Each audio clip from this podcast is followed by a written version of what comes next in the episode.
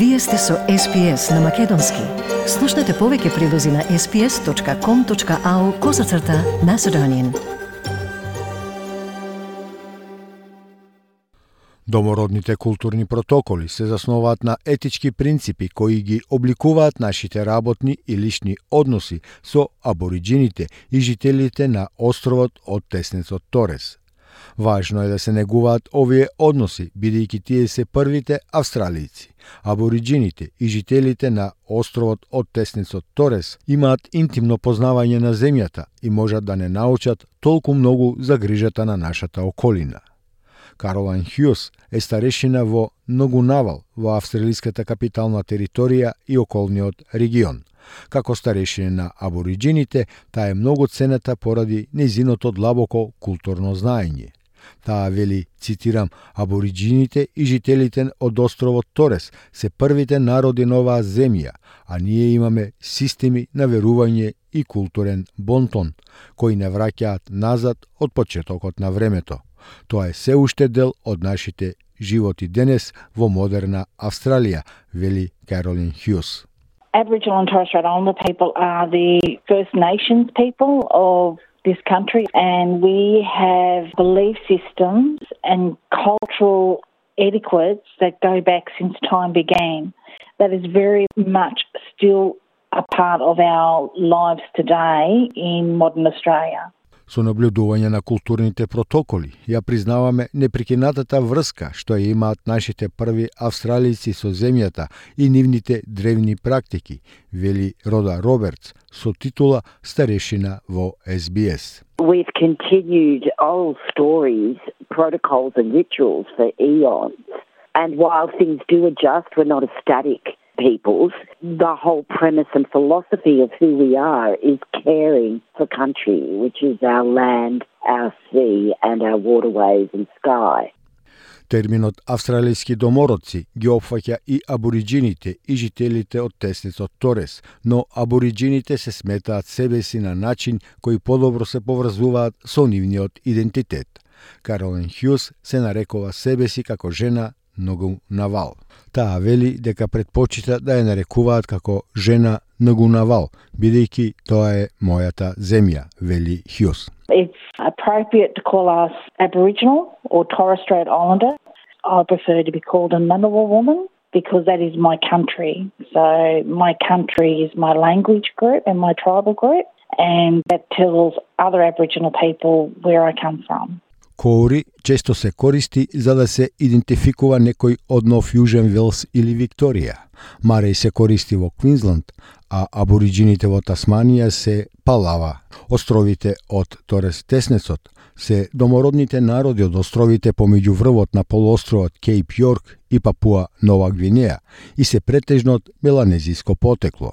Томас Мейджор е жител на островот Торес и национален домороден офицер во Поморската Унија. Тој вели дека сите први нации имат малку различни култури, но постои вистинска јасна разлика помеѓу културата на островите и културата на абориджините. All First Nations have slightly different cultures, but there is a real clear difference between Islander culture and Aboriginal culture.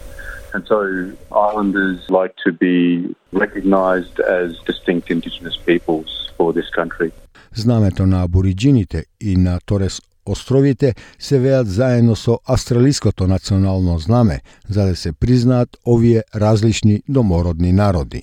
Покажуваме почит повикувајќи се на термини како што се домороден абориджин, островјани од теснецот Торес и земја како соодветни именки означени со голема буква.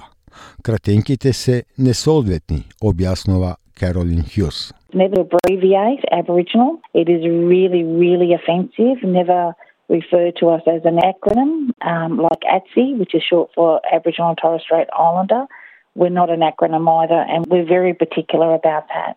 And there are offensive terminologies that would hurt our hearts to hear it. Термините како чувар и старешина се исто така собствени именки.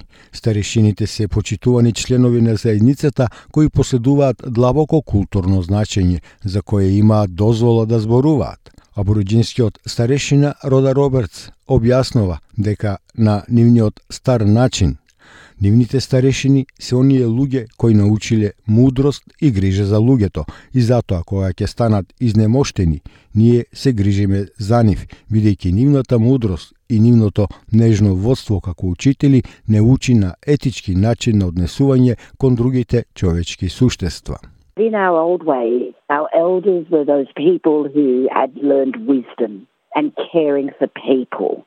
And so when they get frail, we look after them because it's their wisdom and their gentle guidance as teachers that teaches us the ethical way of behavior towards other human beings. Абориджините и жителите на островите од Тесницот Торес покажуваат почит кон старешините, нарекувајќи ги како тетка и вујко. Соодветно е луѓето што не се домородни прво да прашаат дали можат да ги користат овие имиња. Од старешините често се бара да достават цитирам, добре дојдовте во земјата, термин измислен во 1980 година од Рода Робертс. Добре дојдовте во земјата е традиционална церемонија за добре дојде, одржана на отварањето на настан во чест на минатото. Може да има форма на говор, танц или церемонија на пушење. Слично на тоа, потврда за земјата е важен протокол за добре дојде што се доставува на значајни состаноци. Добре дојдовте во земјата го прават оние чувари од таа копнена база на која се наоѓате или на вистина старешините на таа заедница. The welcome to country is done by those custodians from that land base that you're on, or indeed the elders of that community, whereas an acknowledgement of country can be done by all of us, black and white, wherever we come from. It's us showing that we have an awareness of the land and respect for it, and that we're visiting someone else's land and we're paying that respect. So, acknowledgement is recognizing that you might be working or living on a place that's not the place you come from, but that's okay. You still belong to it, and you're going to acknowledge and thank the custodians and elders. Исто така важно е да се признае историската траума што ја доживеале абориджините и жителите на островите од Теснецот Торес, кога се доведува во прашање потеклото на една личност, вели Каролин Хјус.